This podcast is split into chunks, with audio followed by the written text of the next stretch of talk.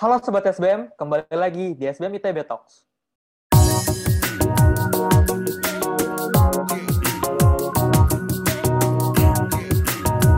Bersama Rafif dari Manajemen 2021. Apa kabarnya Sobat SBM? Semoga sehat dan bahagia selalu. Pada episode kali ini, SBM ITB Talks akan membahas tentang bagaimana sih pengalaman mahasiswa SBM yang saat ini sedang studi di United Kingdom. Telah hadir bersama kita, pertama ada Ahmad Kemal, ada Stanislaus Anggadia, atau bisa juga dipanggil Anggi, terus ada juga Irfan dari University of Hull di UK. Boleh perkenalan dulu nih, mungkin dari Kemal, Anggi, ke Irfan di uh, Hull tuh lagi ngambil jurusan apa sih? Oke, jadi sebelumnya kenalin Sobat SBM. Nama saya Anggi, atau Stanislaus Anggadia lengkapnya. Saya sekarang berkuliah di jurusan Finance Management di University of Hull. Oke semuanya, uh, Sobat SBM, kenalin nama saya Kemal, dan saya di sini ngambil Business Management. Dan untuk mata kuliah pilihannya saya ngambil Supply Chain Management, iya. Ya, halo Sobat SBM. Jadi, uh, saya di sini ngambilnya sama kayak Anggi, uh, Financial Management. Untuk kayak untuk mata kuliah pilihannya Uh, saya ngambil ini uh, financial eh, risk management. Oke, jadi buat sobat SBM semua telah hadir tiga teman kita dari International Business 2021 yang sekarang lagi di University of Hull di UK dan ketiga-tiganya ini meskipun tadi ada yang jurusan yang sama tapi uh, matkul pilihannya pun berbeda. Nah, mungkin yang Rafif mau pertanyain duluan adalah kenapa sih kalian bertiga ini akhirnya memutuskan untuk memilih UK untuk uh, sebagai tempat destinasi double degree kalian? Sekarang kita udah berapa ya? Tiga, tiga bulan lah ya. Kita udah hmm. sekitar tiga bulan di sini. Uh, pertama kali nyampe, yang paling dirasa yaitu cuaca sih. Cuaca tuh kerasa banget perbedaannya dari dinginnya dan perbedaan pergantian siang dan malamnya juga. Kalau di sini kan kita nyampe tuh pas udah mulai ke winter ya. Jadi um, waktu gelapnya lebih lama dibandingkan waktu terangnya gitu. Jadi kerasa juga tuh misalnya dalam hal sholat lima waktu gitu ya, perpindahannya itu jadi lebih singkat gitu antar waktunya. Terus um, selain daripada itu adalah sekitar yaitu kayak akses jalan kaki misalnya yaitu lebih enak di sini. Terus juga sepeda itu gimana lebih diutamakan dibanding kendaraan-kendaraan lain kalau di jalanan. Jadi merasakan kenyamanannya juga sih. Dari Kemal lebih ke lingkungannya ya. Iya. Kalau dari Irfan gimana Irfan? Hmm, apa ya? Oh mungkin pas pertama kali datang ini sih kayak harga-harga buat groceries gitu loh. Kayak awal-awal kayak kaget gitu kayak di Indo misalnya kayak beli apa ya uh, makanan kayak uh, modelan KFC gitu kayak di Indo tiga puluh ribu, empat puluh ribu, kalau di sini kayak delapan puluh ribu atau mungkin kayak lebih kayak jus-jus kotak gitu kayak di sini mungkin lebih mahal kayak hampir 15 ribuan. Kalau di Indo kan kita kayak cuma dapat kayak 8 ribu, 6 ribu gitu. Mungkin itu sih kayak perbandingan harga yang paling pertama aku alamin bedanya di situ. Oke, jadi selain dari lingkungannya dan juga dari harga-harganya atau juga ngaruh ke living cost. Kalau dari Anggi ada nggak Gi? Sebenarnya kalau mungkin kalau saya pribadi dari gaya hidup ya karena di sini kan biasanya kita hidup bersama keluarga, bersama ya orang-orang yang memang sudah sering gitu hidup sama kita dan sekarang uh, kita semua di sini hidup bersama teman-teman semua gitu dan juga dengan rutinitas yang berbeda-beda, kewajiban bekerja yang berbeda-beda dan itu membuat memang sesuatu yang rasanya beda aja gitu. Jadi ketika kita bangun sampai kita tidur kita benar-benar harus mengurus diri kita, berikut juga mengurus uh, ke kebutuhan bersama dengan teman-teman kita semua di sini. Jadi kurang lebih perbedaannya itu sih. Banget nih. Um, tapi kalau tadi kita sudah bahas masalah keseharian, masalah misalkan perbedaan cuaca, masalah groceries, masalah kehidupan bersama teman. Tapi kalau dari segi perkuliahan, gimana sih sebenarnya perkuliahan di hal ini? Kayak tadi misalkan Skemal bilang ngambil matkul pilihan, mungkin bisa diceritain lagi gimana sih uh, sistemnya? Apakah harus ngambil berapa kredit, kayak gitu-gitunya? Oke, hmm, jadi uh, kalau soal kuliah juga sangat-sangat berbeda ya pertama dari uh, dari segi jadwalnya. Jadwalnya itu di sini lebih jarang. Bisa dikatakan seminggu tuh kayak dua atau tiga kali seminggu aja gitu ya kan masuk kuliahnya. Tapi mungkin lebih kerasa di hmm, tugas akhirnya gitu. Karena di sini tuh attendance tuh nggak dinilai banget lah ya gitu. Kayak kita lebih ke kesadaran diri aja. Kalau kita mau ikut ya ikut. Bahkan bisa aja kita nggak ikut live sessionnya, tapi kita uh, nonton recorded sessionnya misalnya. Tapi yang penting kita harus pastikan nanti pas tugas akhirnya tuh bisa terpenuhi segala kriterianya gitu. Jadi sempat kerasa tuh yang pas semester awal di sini uh, sempat loss lah ya gitu. Jadinya merasa ketumpuk di akhir-akhir. Waktu mulai itu kita jadi deadlineer tuh semuanya jadi pada apa namanya sibuk sendiri pas akhir-akhirnya gitu ya kan. Hmm, terus kalau soal apa ya kredit kayak kita kayak ada ada mata kuliah wajibnya gitu ya kan.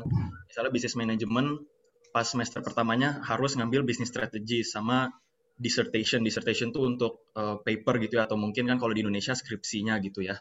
Terus sama untuk menyeimbangkan SKS di Indonesia tuh kita harus ngambil lagi mata kuliah pilihan gitu. Kalau yang pertama saya ngambil namanya Global Logistics and Port Management gitu ya. Terus nanti lanjut lagi di semester keduanya yaitu sekarang ngambil um, namanya Supply Chain Sustainability and the Environment gitu. Atau ya Supply Chain Management lah ya gitu. Uh, jadi itu sih yang sangat-sangat berbeda. Mungkin kan kalau di Indonesia tuh kayak apalagi di SBM gitu ya, kerasa banget tuh tiap hari uh, masuk kuliah apalagi kan ya attendance tuh dinilai banget gitu. Belum lagi ada tugas-tugasnya, PR-PR-nya gitu ya. Kalau di sini lebih ke merasakan ininya sih, kesadaran dirinya gitu ya.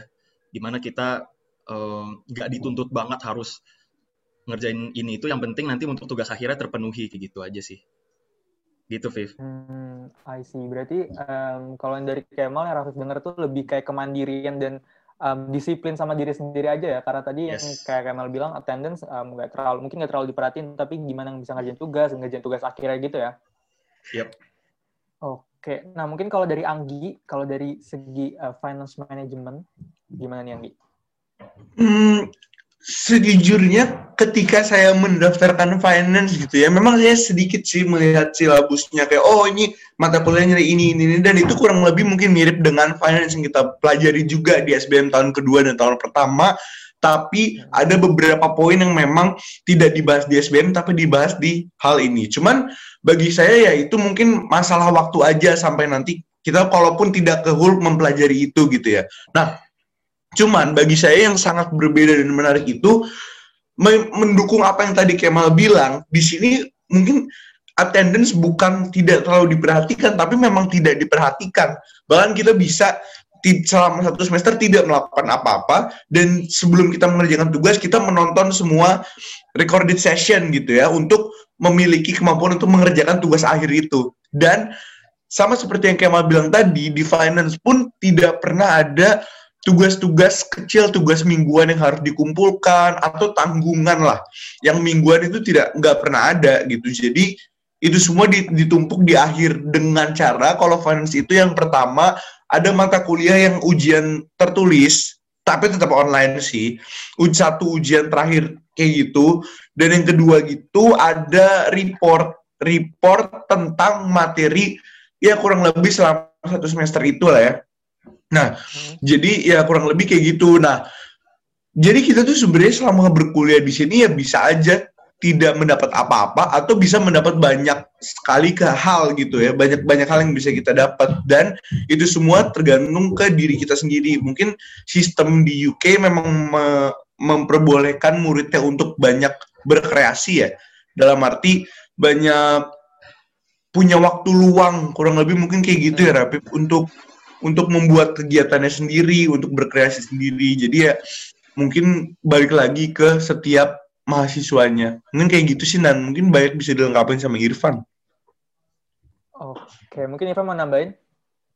Uh, mungkin kalau di sini uh, kayak bener sih kayak uh, kata Anggi Kemal kayak kita di sini lebih dituntut untuk belajar mandiri. Kalau mungkin kalau di SBM kita kayak masih lumayan disuapin materi kali ya kayak uh, dosen menjelaskan secara detail segala uh, terus kayak uh, kelas kayak sering juga kan uh, jadwal-jadwal yang padat. Tapi kalau di sini kayak kuliah kayak seminggu cuma dua kali, sisanya kita dituntut untuk bereksplorasi sendiri, belajar sendiri dan mungkin kita lebih tuntut untuk baca buku yang disediakan oleh uh, dosennya kali ya. Ya kita dipaksa untuk membaca biar untuk mengerti gitu. Oke, jadi kalau yang Rafif dengar dari ketiga teman ini meskipun kayak dikasih kebebasan, dikasih uh, ibaratnya dilatih dan dituntut untuk mandiri, tapi tetap harus tanggung jawab sama apa yang dikasih. Kayak bener tadi kata Anggi mungkin uh, bisa aja dapat apa-apa, tapi bisa juga nggak dapat apa-apa dan itu balik lagi ke pilihan uh, teman-teman sendiri ya, apakah ingin uh, memaksimalkan kesempatan yang ada atau malah main-main aja. Betul. Oke, okay. kalau tadi kita udah ngomongin soal perkuliahan, soal uh, kuliah yang cuma seminggu dua kali, tentang attendance yang nggak terlalu diperhatiin. Tapi kalau kalian bertiga nih, selain ikut kuliah, ikut apa lagi sih? Apakah misalkan kayak uh, nyoba-nyoba magang, part time, atau kayak ikut organisasi kemahasiswaan mungkin yang ada di hal? Oke, jadi kalau saya sendiri di sini hmm, kuliah uh, kebetulan ini sih alhamdulillah dapat kerjaan part time lah ya part time sekarang udah sekitar tiga minggu gitu. Jadi hampir sebulan di part time ini. Jadi di sebuah toko apa ya toko uh, retail store gitulah ya yang menjual berbagai macam bahan-bahan dan ingredients terutama di spices gitu di bumbu-bumbu gitu. Jadi uh, di sini kerjanya tuh sebagai singkatnya penjaga toko gitu. Jadi nggak cuma di kasir uh, tapi juga misalnya hal seperti uh, beres-beres, bersih-bersih dan juga ngestok barang, terus misalnya uh, melayani customer gitulah ya. Itu. Jadi itu memakan waktu sekitar untuk seharinya 6 jam dan hmm. untuk seminggunya bisa 1 sampai dua kali gitu. Jadi bahkan pernah minggu lalu itu tiga, tiga hari kerjanya gitu. Jadi tergantung panggilan aja sih. Jadi wajibnya tuh ya se sehari seminggu, tapi bisa misalnya tiba-tiba bosnya minta datang untuk hari kesekian gitu. dan kalau kalau misalnya sayanya kosong datang gitu dan sangat sangat lumayan sih untuk menambah tabungan lah ya uh, untuk di sini gitu. Jadi uh, mungkin itu ya uh, untuk kegiatan selain selain kuliah gitu yang benar-benar bisa dibilang nyata gitu ya.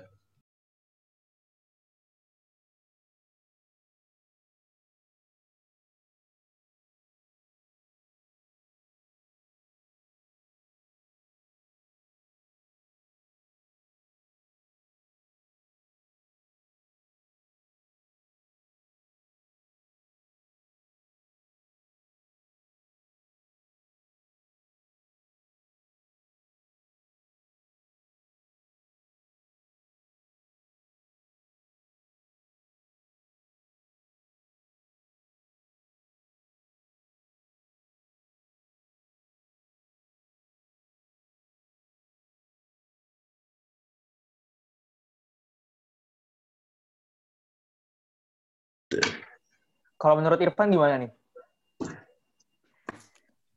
Ya, mungkin sejauh ini uh, saya belum ikut apa-apa sih soalnya kayak baru kemarin aja kayak uh, gara-gara Anggi ngasih tahu kayak mungkin uh, saya harus nyari kesibukan lain daripada uh, fokus di akademik. Jadi uh, baru kemarin banget kayak aku lihat uh, email-email dari hal sendiri kayak opportunity untuk part time di sini tuh bener-bener sebanyak itu kayak mungkin kayak per minggu tuh dikasih email gitu kayak minggu ini ada apa, minggu depannya ada apa.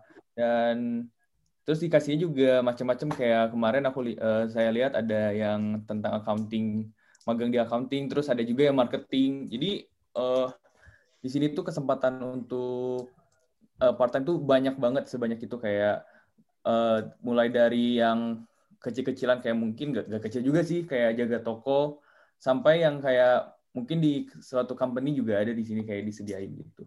Ya semudah itu sih untuk mencari kesempatan dan ilmu juga tentunya ilmu tambahan. Oke. Mungkin mau nambahin dikit boleh Pip ya? Boleh boleh gimana Nggi? Nah, uh, jadi jadi keinget tadi tadi Irfan ngomong soal banyak kesempatan. Jadi tuh salah satu yang lagi kami semua kerjakan di sini termasuk Irfan dan beberapa teman kami di sini adalah jadi di di toko tempat Kemal bekerja ini mereka tuh membutuhkan uh, marketing plan mungkin gitu ya bahasa umumnya ya. Jadi rencana marketing gimana caranya supaya menjual lebih banyak segala macam kayak gitu-gitu dan uh, syukur-syukurnya kesempatan itu juga diberikan kepada kami semua yang ada di sini. Jadi kami itu dari kemarin menyusun gimana caranya menjual untuk toko-toko ini gitu. Jadi ya itu tuh tempat pengaplikasian ilmu-ilmu yang selama ini kita dapat gitu loh. Ah. Dan yang pasti orang-orang di UK ini sangat menghargai tenaga kerja gitu ya. Jadi nggak nggak nggak heran har- harga-harga di UK itu bisa melambung tinggi padahal objeknya tuh sama gitu. Dan itu mungkin bukan karena bahan bakunya atau apa, tapi tenaga kerjanya, cost dari tenaga kerjanya yang harus di dihargai banget gitu sama toko-toko di UK ini. Itu sih. Hmm, I see. Yang menarik banget tadi Rafif highlight dari yang itu adalah uh, opportunity untuk mengaplikasikan apa yang didapat di kelas. Karena mungkin um, nggak semua dari kita punya opportunity tersebut. Misalkan baik mau mengaplikasikan di organisasi, mau mengaplikasikan mengaplikasikan di part time dan Betul. um, dengan ada opportunity-opportunity itu jadi bisa uh, ibaratnya memahami lebih lagi materi yang didapatkan di kelas karena langsung dapat hands-on experience aja gitu yang gitu. Betul banget, Rafif. Setuju. Ma- paling ini kali ya Pip ya, Eh, Hmm. mungkin sobat SBM nggak puas gitu kalau nggak dapet dari segi kisaran kalau part-time di sini dapetnya Wah, berapa boleh, sih boleh. gitu ya kan. Nah tapi ini ya saya nggak bakal apa namanya bilang yang saya dapat berapa tapi gambaran aja kalau di sini tuh juga dari awal kita udah dikasih tahu sama anak-anak PPI yang udah eh, duluan di sini yaitu kisarannya per jamnya sekitar 6 sampai 8 pounds gitu ya. Eh, dan itu bisa bisa juga lebih lebih tinggi daripada itu. Tapi kayaknya 6 itu tuh udah udah minimumnya banget gitu ya kan. Dan tergantung berapa rupiahnya tuh berapa tapi ya mukanya untuk poundsnya itu sekitar segitu. Jadi eh, wajar gitu ya dari segi imbalan tuh sangat-sangat menarik gitu tapi kalau saya pribadi lebih ngincer ke eh, experience belajar dan membantunya aja gitu jadi lebih melihat sisi imbalan itu lebih ke bonus aja gitu ya Menarik nih, menarik. Mungkin SBM juga juga yang lagi denger mungkin ada yang tertarik buat kuliah di Inggris mungkin bisa mulai ancang-ancang nih eh, sambil milih-milih double degree-nya mau di mana dan part-time-nya juga mau apa. Benar. Oke, nah kalau tadi kita udah bahas soal perkuliahan, kita udah bahas banyak juga soal part-time, soal magang. Pernah nggak sih pas lagi di UK ada pengalaman kurang mengenakan gitu yang kalian alami? Mungkin suka dukanya selama menjadi mahasiswa di UK. Mungkin kalau suka ya udah dijelaskan semua kali ya. Nah kalau duka mungkin bisa dibilang bukan duka karena duka yang nestapa yang ditangisi bertahun-tahun sampai kita akhir zaman bagaimana enggak tidak seperti itu ya tapi eh, hal-hal simpel seperti dulu ketika kita baru sampai di sini sesimpel buang sampah aja. Buang sampah tuh dulu Oh, yang yang kita tahu kan kayak ya udah buang sampah plastik hitam plastik hitam yang di- kita beli di supermarket di tempat sampah yang besar masuk plak semua sampah masuk di iya situ benar kan. banget. Aduh. dan di sini tuh sebenarnya dari awal tuh sudah ada peringatannya ya jangan lupa memilah-milah sampah ya. Dan kita mungkin dengan dengan kebiasaan kita ya begitu santai ya. Ini mungkin hanya bicara-bicara saja akhirnya kita masukin semua sampah ke situ dan alhasil selama dua bulan sampah kita tidak diangkut karena tidak kita pisah Benar. Jadi, di sini tuh Ah. benar-benar harus memisah-misah itu loh. Jadi memilah-milah sampah dan hal seperti itu yang memang bukan budaya kita ya. Sebenarnya harusnya budaya kita juga sih, tapi di sini tuh benar-benar harus dipatuhi gitu hal-hal seperti itu, memilah-milah sampah. Hal-hal seperti itu. Mungkin eh, sesimpel melihat keramahan ya. Mungkin saya nggak bukan bilang orang di sini nggak ramah, tapi berbeda mungkin ramahnya ya. Kayak di sini tuh ini to be fair, to be fair. Jadi memang di sini itu tidak tidak pernah tidak mungkin karena tidak ada kesenjangan sosial yang terlalu tinggi ya. Bisa dibilang alasannya mungkin karena itu kan kayak eh, pegawai yang menjaga toko saja yang notabene tidak tidak perlu degree, tidak perlu eh, gelar apa pun saja mendapat imbalan yang sangat besar gitu. Jadi di sini orang-orang pun menempatkan dirinya sama seperti semua orang gitu. Jadi di sini tidak terlalu ada konsep konsumen itu raja atau yang penjaga toko itu harus melayani konsumen. Enggak, di sini tuh benar-benar harus saling menghargai banget dalam arti ya kita nggak bisa seenaknya di toko orang gitu dan berharap sama seperti di Indonesia yang orang kayak oh iya pak tidak apa-apa iya tidak.